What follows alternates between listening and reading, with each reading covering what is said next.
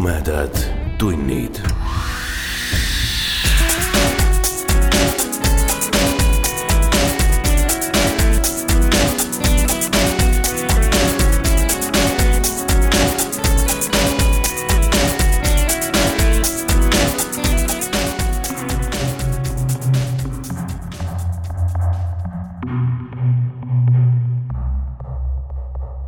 tere, hea ulmesõber sa hakkad kuulama Tumedad tunnid podcasti suvise järjejutu kolmandat osa.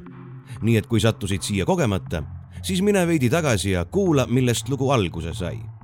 ma loen teile kolmanda osa HP Lovecrafti õudusloost Vari Innsmouthi kohal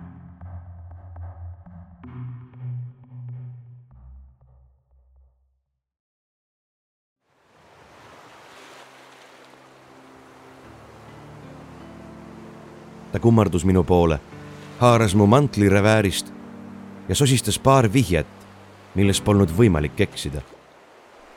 nii see kõik algas. seal, neetud kurjas paigas, kus algab sügav vesi. põrguvärav, otse sügavas põhjas, kuhu ükski loodinöör ei ulatu. vana kapten Obed tegi seda. tema kes leidis Lõunamere saartelt rohkem, kui talle kasuks tuli. kõigil läks neil päevil halvasti. kaubandus soikus. töökojad kaotasid kliendid, isegi uued.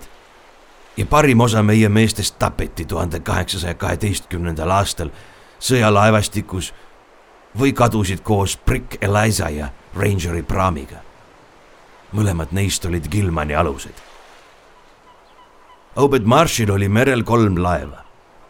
Brigantiin Columbia, Brick Hetty ning parklaev Sumatra kuninganna. ta oli ainus, kes pidas kaubavahetust Ida-India ja Vaikse ookeani maadega. kuigi Estras Martini Barkantiin Malai pruut reisis sealkandis veel kahekümne kaheksandal aastalgi. keegi polnud võrdne kapten Obediga vana saatana käsilane ma ei suuda unustada, kuidas ta rääkis võõrastest maadest ja nimetas inimesi rumalaiks, kes käisid jumalateenistustel, kandes oma koormaid vaguralt ja alandlikult. ta ütles, et nad peaksid ohverdama parematele jumalatele, nagu mõned India rahvad. jumalatele, kes annavad neile ohvrite eest vastutasuks kalaõnne ja vastavad kindlasti rahva palvetele. Matt Elliot, tema mõttekaaslane, rääkis samuti palju. kuid ta ei tahtnud, et rahvas teeks paganlikke asju. ta rääkis Tahitist idas asuvast saarest, kus oli palju kivivaremeid, vanemaid kui keegi oli kunagi näinud.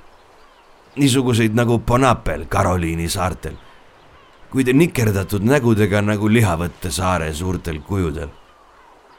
selle lähedal asus teine, väiksem, vulkaaniline saar, millel olevad kujud olid hoopis imelikud ning need olid rikutud, nagu oleksid olnud kunagi mere all.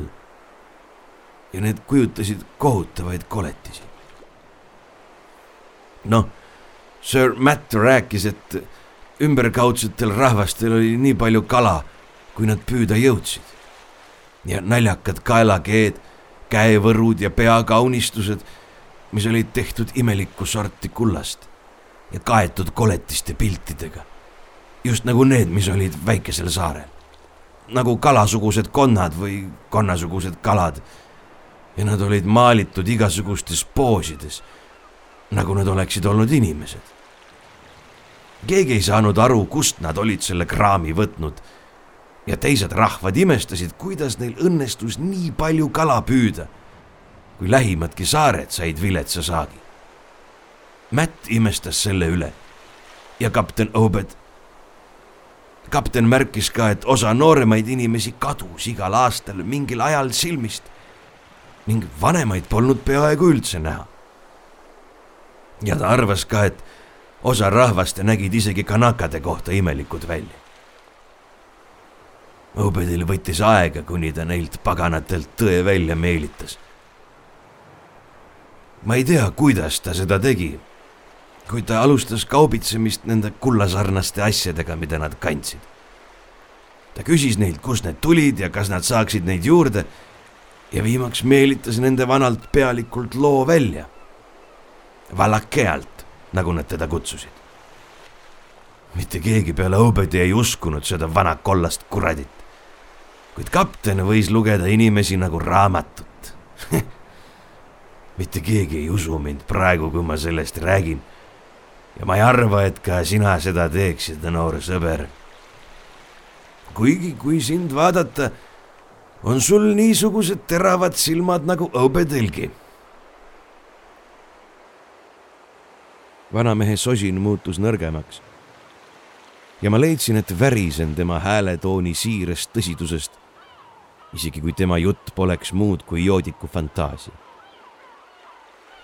noh, söör, kapten Obed on näinud siin maailmas asju, mida teised kunagi ei näe ja ei usu, et näha saavadki paistis, et need kanakad ohverdasid paljusid noormehi ja neide mingisugustele jumalustele, kes elasid merepõhjas ja said vastutasuks igasuguseid teeneid. Nad nägid niisuguseid asju selle kummaliste kujudega väiksel saarel. ja neile paistis, et need vastikud pildid konkalade taoliste koletistega pidid olema nende jumalate pildid võib-olla said lood merineitsitest ja niisugustest olenditest alguse just nendest olevustest. Neil oli seal merepõhjas igasuguseid linnu, kui see saar äkki merepinnale kerkis. Nii said ka nakad aimu, et nad on seal all. Nad rääkisid märgikeeles, kui ei tahtnud enam omaette hoida ja tegid varsti lepingu Neile olendeile meeldisid inimohvrid. Neile oli neid ka kunagi väga ammu toodud, kuid mingil ajal olid nad kaotanud sideme maismaaga. mida nad oma ohvritega tegid, ei oska ma öelda. Ja arvan, et ka Obed ei julgenud küsida. kuid paganate arust oli see hea, sest neil olid rasked ajad ja nad olid väga meeleheitel. Nad andsid teatud osa noorukeist kaks korda igal aastal mereolenditele. Volbri ööl ja Halloweenil, regulaarselt, nagu see olema pidi. Nad andsid ka mõningaid nikerdatud pisiesemeid, mis nad olid valmistanud. Need olendid andsid vastutasuks palju kala. Nad ajasid neid kokku kogu merest ja aeg-ajalt mõningaid kullasarnaseid esemeid noh, nagu ma ütlen, kohtasid pärismaalased neid olendeid väikesel vulkaanisaarel, minnes sinna kanuudes koos ohvrite ja muu niisugusega. ja tõid vastutasuks mõningaid kullasarnaseid ehteid, mida neile anti. Alguses ei tulnud need olendid kunagi maismaale, kuid mõne aja pärast hakkasid seda tegema. see soov võis neil tekkida pärast inimestega rääkimist ja ühiste tseremooniate pidamist suurtel pühadel, Volbriööl ja Halloweenil. teate, nad suutsid elada nii vees kui maismaal. arvatavasti kutsutakse seda kahepaiksuseks. kanakad ütlesid neile, et kui teised rahvad neist teada saavad, siis pühitakse nad maa pealt minema. kuid nad vastasid, et ei hooli sellest, sest nemad ise tapaksid kogu inimsoo, kui tahaksid see tähendab, et keegi neist peaks tegema teatud märke, mida tegi kunagi muistsete rass, kes need ka poleks. kuid nad ei tahtnud ja seepärast pugesid peitu, kui keegi saart külastas. Nende kärnkonna sarnaste olenditega paaritudes ehmusid kanakad alguses väga, kuid said viimaks midagi teada, mis näitas asja uues valguses paistab, et inimrassil on niisuguste veeelukatega teatud side. et kõik elav pärines kunagi veest ja vajab vaid väikest muutust, et sinna tagasi minna. olendid rääkisid kanakadele, et kui nende vered seguneksid, siis sünniksid lapsed, kes paistaksid alguses inimestena, kuid muutuksid hiljem rohkem olendite sarnaseks, kuni lõpuks läheksid vette ja ühineksid paljude sealsete elanikega. ja mis kõige tähtsam, noor sõber, need, kes muutuksid kalasarnasteks ja läheksid vette, ei sureks kunagi. Need olendid olid surematud, välja arvatud siis, kui neid vägivaldselt tapeti. noh, sir paistab, et aja jooksul, mil Obed neid kohtas, olid saarlased juba segunenud nende süvamere olenditega. kui nad vanaks said ja see hakkas välja paistma, peitsid nad end, kuni tundsid, et tahavad minna vette ja maa maha jätta. mõned tahtsid seda rohkem kui teised ja mõned ei muutunud kunagi küllalt, et vette minna. Kuid enamik neist muutus just nii, nagu olendid rääkisid Need, kes olid sündides rohkem olendite sarnased, muutusid varakult. kuid need, kes olid peaaegu inimesed, jäid vahel saarele, kuni olid üle seitsmekümne, kuigi nad enne seda käisid sageli all proovimatkadel. rahvas, kes oli alla läinud, tavatses käia vahel maismaal, nii et mees võis sageli rääkida omaenda vana, vana, vana, vana, vanaisaga kes oli kuivalt maalt lahkunud mõnisada aastat tagasi või selle ringis. kõik nad pääsesid suremisest, välja arvatud kanuusõdadest teiste saare rahvastega või ohvritena merejumalatele seal all või maohammustusest või katkust või kiiresti süvenevatest haigustest, enne kui nad vette jõudsid minna. Nad olid nõus muutuma mis ei tundunudki mõne aja pärast enam kohutavana. Nad mõtlesid, et on saanud palju selle eest, millest pidid loobuma. ja ma arvan, et ka Obed hakkas niimoodi mõtlema, kui oli pisut vana Valakea juttu seedinud. kuid Valakea oli üks vähestest, kelles polnud tilkagi kalaverd. ta oli kuninglikust perekonnast kes abiellusid vaid teiste saarte kuninga suguvõsade liikmetega. Valakea näitas Obedile palju riitusi ja lausumisi, mida tuli koos mereolenditega teha ja näitas talle mõningaid külaelanikke, kes olid palju muutunud ning polnud enam inimese moodi. ühel või teisel põhjusel ei näidanud ta siiski neid mereolendeid endid. lõpuks andis ta Obedile naljaka võlueseme, mis oli tehtud seatinast või millestki niisugusest. ja ütles, et see toob kohale kalajumalaid igas kohas, kus nad vähegi ei pesitseks. selle pidi merre viskama õigete palvete ja muu niisuguse saatel. Valakea rääkis, et neid olendeid on maailmas igal pool. nii et kõik, kes neid otsivad, võivad leida nende pesa ja välja kutsuda, kui tahavad Mätile ei meeldinud see asi üldse. ja ta tahtis, et Obed saarelt eemale hoiaks. kuid kapten jäi endale kindlaks ja arvas, et ta saaks neid kuldesemeid nii odavalt, et võiks hakata tegelema kaubitsemisega. nii läksid asjad palju aastaid ja Obed sai nii palju neid kulla moodi esemeid, et alustada kullatööstusega Waite'ide vanas mahajäetud tehase hoones ta ei julgenud neid asju müüa, nagu nad olid, sest rahvas hakkaks küsimusi esitama. kuid siiski müüs meeskond vahel mõne ehte, kuigi nad olid vandunud vaikida. ja ta laskis oma naisterahvail kanda mõnda ehet, mis olid inimesele sobivamad kui teised. noh, jõudis kätte kolmekümne kaheksas aasta, kui olin seitse aastat vana Obed leidis, et saare rahvas oli tema reiside vahepeal kadunud. paistis, et teised saarlased olid aru saamas, mis on juhtumas ning asja enda kätte võtnud. arvatavasti olid neil alles nende vanad maagilised esemed, mis oli ainus asi, mida need mereolendid kartsid. Pole võimalust teada saada, mida ümberkaudsete saarte kanakad võisid teha, kui merepõhi viskas üles saare varemetega, mis olid vanemad kui veeuputus ise. Nagu jumal ise oleks neid nuhelnud.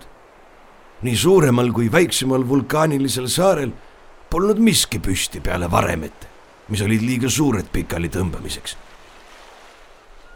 mõnes kohas olid väikesed kivid laiali paisatud nagu nõiduseks, mis moodustasid mingi märgi, mida tänapäeval svastikaks kutsutakse. võib-olla olid need muistsete märgid. Polnud ühtegi olendit ega jälgigi kullasarnastest asjadest ja ükski ümberkaudsete saarte kanaka ei lausunud asja kohta sõnagi. Nad isegi ei tunnistanud, et saarel oli üldse kunagi keegi elanud.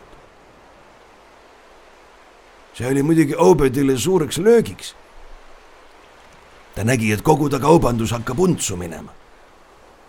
see tabas kogu Innsmouthi, sest meresõidupäevad, mis tõid kasu laevakaptenile, tõid samal ajal kasu ka meeskonnale suurem osa linnarahvast suhtus rasketesse aegadesse kuidagi lambasarnaselt ja hämmeldunult. kuid nad olid eriti halvas olukorras, sest kalavarud hakkasid otsa lõppema ning töökodadel läks halvasti. siis hakkas Obed rahvast needma, et nad on rumalad lambad, kes palvetavad kristlaste taeva poole, mis neid põrmugi ei aita ta ütles, et ta teab rahvaid, kes palvetavad jumalate poole, kes annavad neile seda, mida nad tõesti vajavad. ja ütles, et kui hea hulk mehi tema taga seisab, võib ta ehk pöörduda teatud jõudude poole, kes annavad neile palju kalu ja üsna suure hulga kulda. Muidugi teadsid need, kes olid teeninud Sumatra kuningannal ja näinud saart, mida ta mõtles. ja nad polnud eriti innukad suhtlema mereelukatega, kellest nad olid kuulnud räägitavat. kuid nende jaoks, kes asjast midagi ei teadnud, oli Obedi jutt üsna ähmane ja nad hakkasid teda küsitlema, et kuidas ta kavatseb oma eesmärgi saavutada.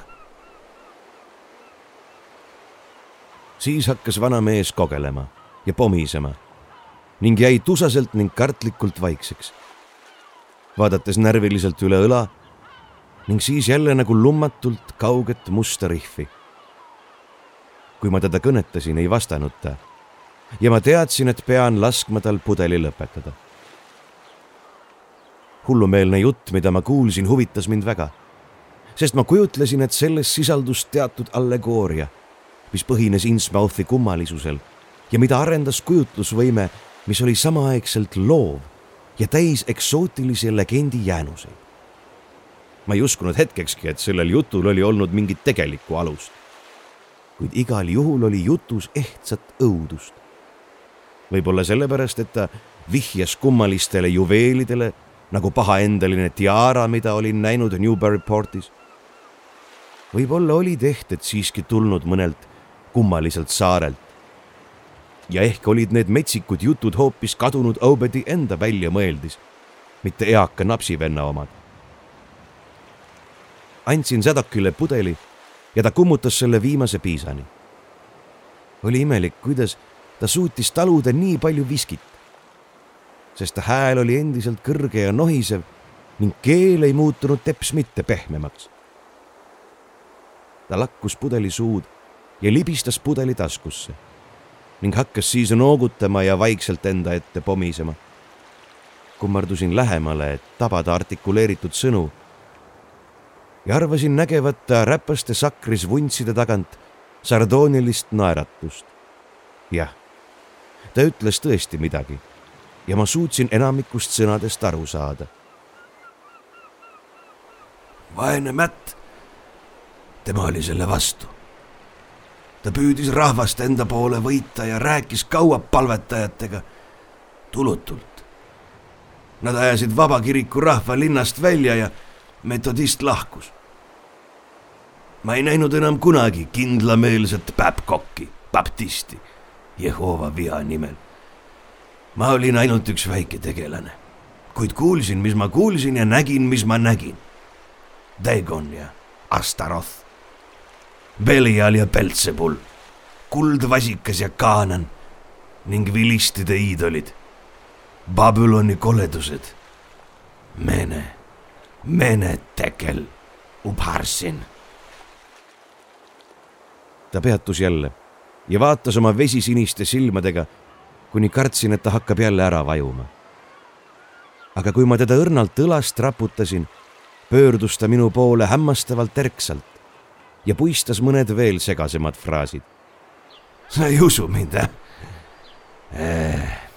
no siis ütle mulle, noor sõber, miks kapten Obed ja veel kakskümmend meest tavatsesid öö saabudes kuradi rihvile aerutada ja laulsid seal nii valjult, et me kuulsime seda terves linnas, kui tuul oli õige. ütle mulle, ah.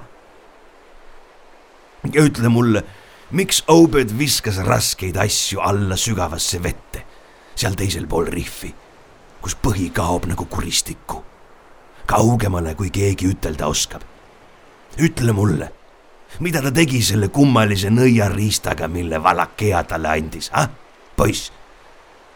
ja miks nad kõik kalastasid Volbri ööl ja jälle järgmisel Halloweenil? ja miks need uued kirikutegelased, kes olid endised meremehed, kandsid neid veidraid mantleid ja panid pähe kullast asju, mis Obed tõi, ah? veesinised silmad olid nüüd peaaegu metsikud ja hullumeelsed ning räpane valge habe tõusis turri, nagu oleks see elektrit täis. vana Zadok nägi mind tagasi tõmbumas ning hakkas kurjalt kõkutama hakkad taipama, mis?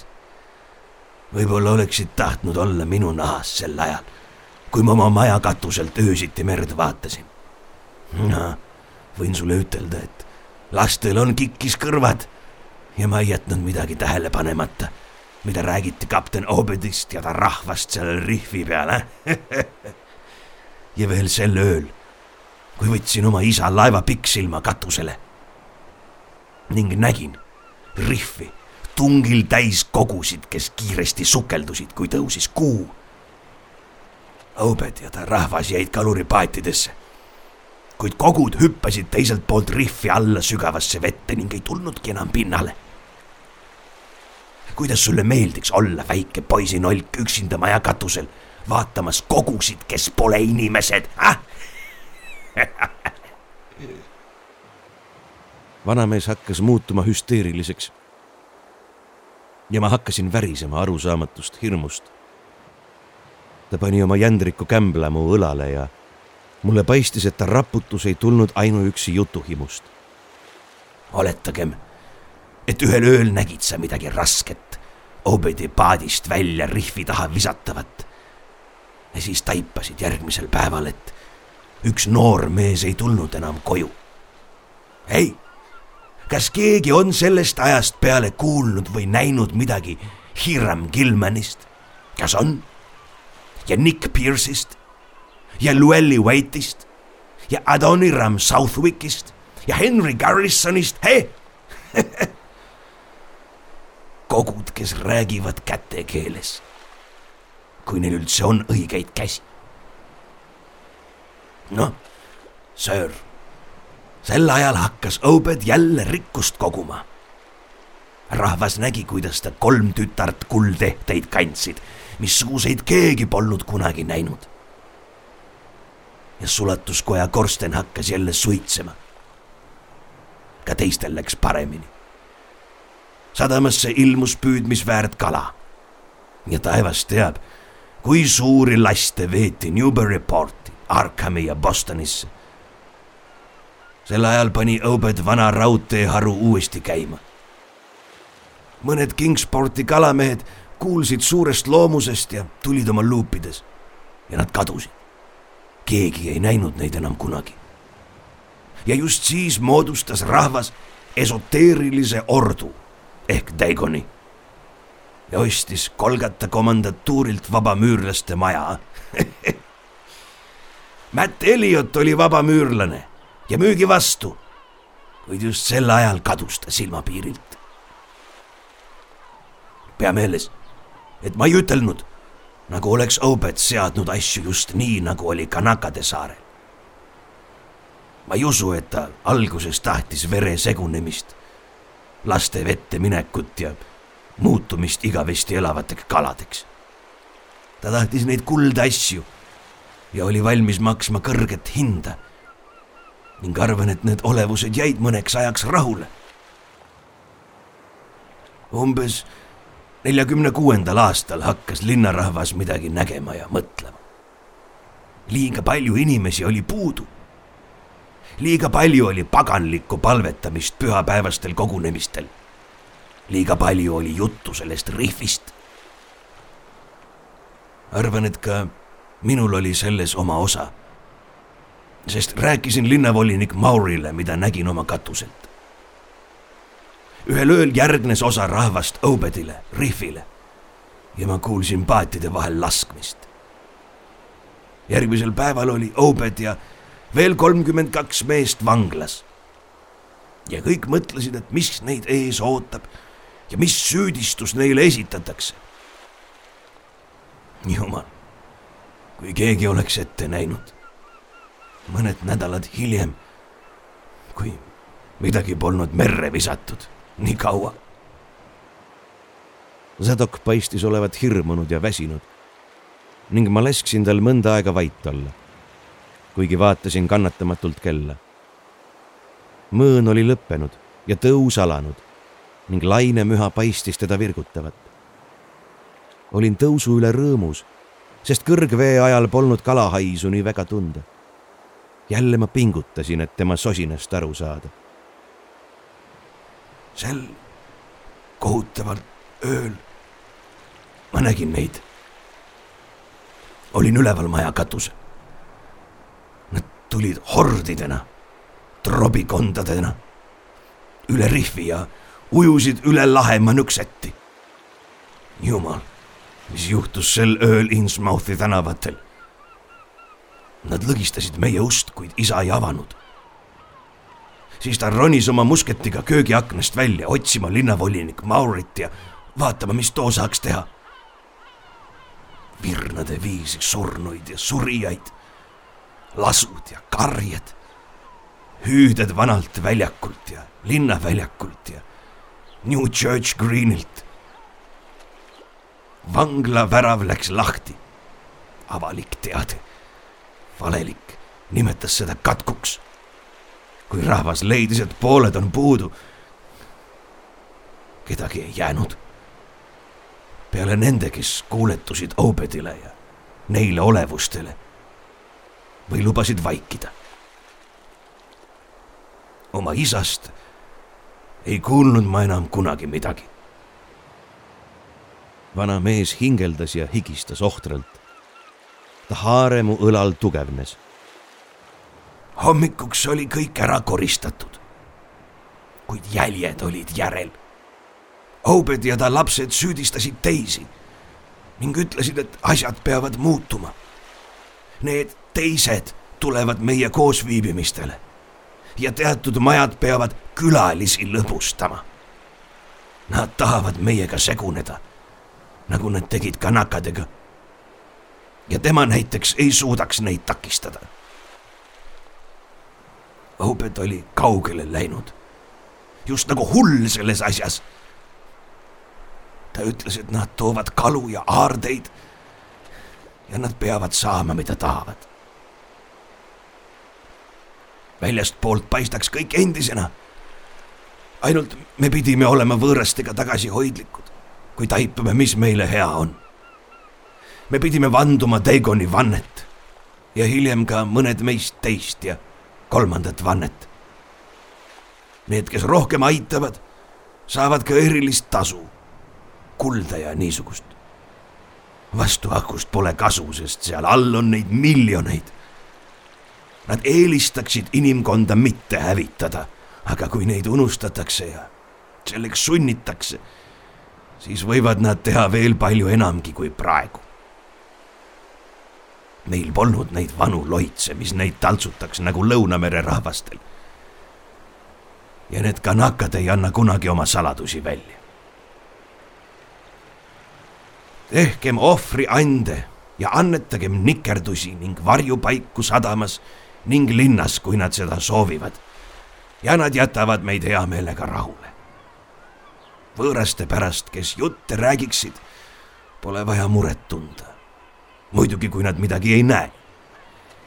keegi ustavate hulgast, Dagoni ordust ja nende lastest ei pea kunagi surema vaid nad lähevad emakese Hüdra ja isakese Dagoni juurde, kust me kunagi kõik tulime.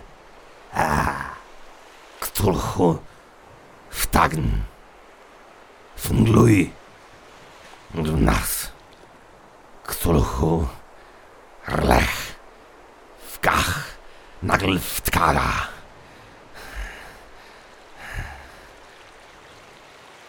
vana sõdoki jutt muutus ilmseks jampsimiseks. ja ma hoidsin hinge kinni. vaene vana hing. missugustesse kahetsusväärsetesse hallutsinatsiooni sügavustesse on see alkohol, lisaks ta viha, teda ümbritseva allakäigu, võõrapära ja haiguste vastu, viinud ta viljaka kujutlusvõimelise aju. Nüüd hakkas ta oigama ja pisarad jooksid mööda ta kortsulist põske habemesse. jumal, mida ma olen näinud alates viieteistkümnendast eluaastast. meene, meene tekkel huparsin. puuduvad inimesed ja need, kes on end tapnud. Neid, kes rääkisid sellest Arkhamis või Ipswichis või niisugustes kohtades peeti hulludeks nagu ka sina pead mind just praegu. kuid jumal, mida ma olen näinud. Nad oleksid tapnud mind juba kaua aega tagasi, kuid ma vandusin Obedile esimest ja teist Daigoni vannet. nii et olin kaitstud, kuni nende kohus tõestab, et rääkisin asjadest teadlikult ja tahtlikult. kuid ma ei vannuks kolmandat vannet. Pigem sureksin, kui seda teeksin kodusõja ajal läks asi hullemaks. kui alates neljakümne kuuendast aastast sündinud lapsed hakkasid üles kasvama. see tähendab mõned neist. ma kartsin. enam kunagi ma ei piilunud pärast seda kohutavat ööd ja ma pole kunagi näinud ühte neist lähedalt kogu oma elu jooksul. see tähendab, et ühtegi täisverelist. Käisin sõjas ja kui mul oleks olnud tahtejõudu või mõistust, poleks ma kunagi tagasi tulnud, vaid mujale elama asunud. kuid mulle kirjutati, et asjad pole nii hullud. Nad tegid seda sellepärast, arvan ma, et valitsuse mundrimehed olid pärast kuuekümne kolmandat aastat linnas. pärast sõda oli asi jälle sama hull. inimesed kadusid, tehase hooned ja poed pandi kinni laevasõidud lõppesid ja sadam ummistus. raudteesõidud lõppesid. kuid nemad, nad ujusid lakkamatult sellelt neetud saatana rihvilt jõkke ja jõest merre. ja üha rohkem pööningu aknaid naelutati kinni ja majadest, kus keegi ei pidanud elama, kostis üha rohkem hääli. Ümberkaudne rahvas räägib meist oma jutte arvatavasti oled neist paljusid kuulnud sinu küsimuste järgi otsustades. lugusid asjadest, mida nad aeg-ajalt on näinud ja nendest kummalistest ehetest, mis tulevad kusagilt ja pole mitte alati üles sulatatud. kuid nad ei väida midagi kindlat. keegi ei usuks midagi. Nad nimetavad neid kuldehteid piraadiaardeks. Nad tunnistavad, et Innsmouthi rahvas on võõrast verd või on see segatud või midagi muud niisugust. peale selle peletavad siinolijad eemale nii palju rahvast, kui suudavad ja võtavad ülejäänutelt julguse uudis himutseda. eriti öösel. loomad hakkavad olendite peale tõrkuma, hobused hullemini kui muulad. aga kui tulid autod, siis asi paranes neljakümne kuuendal aastal võttis kapten Obed teise naise, keda keegi linnas kunagi ei näinud. mõned ütlesid, et Obed ei tahtnud seda, kuid teda sundisid need, kes temalt vaevatasu nõudsid. ja tal oli temaga kolm last. kaks kadusid noorelt, kuid üks, kes nägi välja nagu kõik teisedki, sai hariduse Euroopas Obed pani ta viimaks kavalusega mehele, ühele Arkhami noormehele, kes ei kahtlustanud midagi. kuid praegu ei taha keegi Innsmouthi rahvaga tegemist teha. Barnabas Marsh, kes praegu töökoda juhib, on Obedi lapselaps, tema esimese naisega. tema vanima poja, Onesiforuse poeg. kuid tema ema oli üks neist ja teda ei näe enam kunagi väljas ringi liikumas. Just praegu hakkab Barnabas muutuma. ta ei saa enam silmi sulgeda ja on kuidagi vormist väljas. räägitakse, et ta kannab ikka veel riideid, kuid varsti läheb ta vette. võib-olla on ta seda juba proovinud. Nad lähevad vahel natukeseks alla, enne kui jäävad sinna alatiseks. teda pole väljas nähtud umbes üheksa või kümme aastat. Ma ei tea, kuidas tema vaene naine end tunneb ta tuli Ipswichist ja nad peaaegu lintšisid Barnabasse, kui too viiskümmend aastat tagasi ta ära võrgutas. Obed suri seitsmekümne kaheksa aasta vanuselt ja kogu järgnev põlvkond on praeguseks läinud. esimese naise lapsed on surnud ja ülejäänud, jumal teab. Tõusukohin oli nüüd väga terav ja vähehaaval paistis see muutvat vanamehe meeleolu härdast pisarate rohkusest ettevaatlikuks hirmuks. ta tegi pausi ja vaatas jälle närviliselt üle õla ning rihvi poole ning hoolimata tema jutu metsikust absurdsusest, hakkas ta ilmne kartus mindki haarama. Zadoki hääl muutus kiledamaks ja ta paistis püüdvat end julgustada valjema kõnega. Hei, sina miks sa midagi ei ütle? kas sulle ei meeldiks elada niisuguses linnas, kus kõik kõduneb ja sureb? ja mustades keldrites ning pööningutel kinni löödud akende taga roomavad ja mökitavad ja hauguvad ja hüppavad koletised igal pool, kuhu sa lähed, eh? kas sa ei tahaks kuulda igal ööl ulgumist neist kirikutest ja Daigoni ordukojast ja teada, mida tähendab osa sellest ulgumisest? Kas sulle ei meeldiks kuulda, mis juhtub seal koledal rihvil Volbri ööl ja Halloweenil? eh? arvad, et vanamees on hull, ah? no söör, las ma räägin sulle, et see polegi kõige hullem. Zedok kriiskas nüüd tõepoolest ja hullumeelne raev tema hääles häiris mind rohkem, kui ma julgesin endale tunnistada. kurat, võtaks ära, istu seal ja vahi mind nende silmadega ma räägin, et Obed Marss on põrgus ja ta jääbki sinna. Põrgus, ütlen ma. ta ei saa mind kätte. pole midagi teinud, kellelegi midagi rääkinud. noh, sina, noor mees. noh, isegi kui ma pole veel kellelegi midagi rääkinud, siis teen seda nüüd. sa istu vaikselt ja kuula mind, poiss. seda pole ma kunagi kellelegi rääkinud. ma ütlen, et ma ei piilunud kunagi pärast seda ööd. kuid ma sain siiski midagi teada. sa tahad teada, mis on tõeline õudus, ah? noh, see pole see, mida need kalakuradid on teinud, vaid mida nad tegema hakkavad.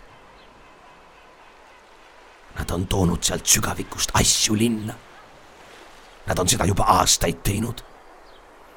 ja nad on hooletuks muutunud majad jõe põhjakaldal on neid täis. Neid kuradeid ning asju, mida nad on toonud. ja kui nad on valmis, ma ütlen, kui nad on valmis. oled sa kunagi kuulnud Shagothist? hei, kas sa kuuled mind? ma ütlen sulle. ma tean, mis asjad need on. ma olen neid näinud ühel õhtul, kui vanamehe võigas äkiline karje ja ebainimlik hirm pani mind peaaegu nõrkema. ta silmad, mis vaatasid minust mööda haisva mere poole, olid peaaegu peast välja kukkumas. ja tema nägu oli nagu mask Kreeka tragöödiast. ta kondine kämmal kaevus valusasti mu õlga ja ta ei liigutanud, kui ma pöördusin, et vaadata, mida ta oli silmanud. ma ei näinud midagi erilist ainult tõusuvett, millel ehk üks laineviirg oli püsivam kui pikk murdlainetus. kuid nüüd raputas Sadok mind ja ma pöördusin tagasi ning nägin hirmust tardunud nägu sulamas pöörlevate silmavalgete ja pomisevate igemete kaoseks. viimaks tuli ta hääl tagasi, kuid kähiseva sosinaga kao siit minema, kao siit minema. Nad on meid näinud. Jookse elu eest, ära oota midagi. Nad teavad nüüd. jookse elu eest kiiresti välja sellest linnast. veel üks raske laine lajatas vastu kõduneva sadamasilla pudenevat müüri ja muutis hullu vanamehe sosina veel üheks ebainimlikuks ja verd tarretavaks karjeks. enne kui suutsin oma segipaisatud mõtteid koondada, oli ta lõdvendanud oma haaret mu õlal ja tormanud metsikult tänavale. pööratas ümber laguneva kaubalao nurga põhja poole. vaatasin tagasi merele, kuid seal ei olnud midagi. ja kui ma jõudsin Vee tänavale ning vaatasin pikki seda põhja suunas, polnud Sadok Allanist jälgigi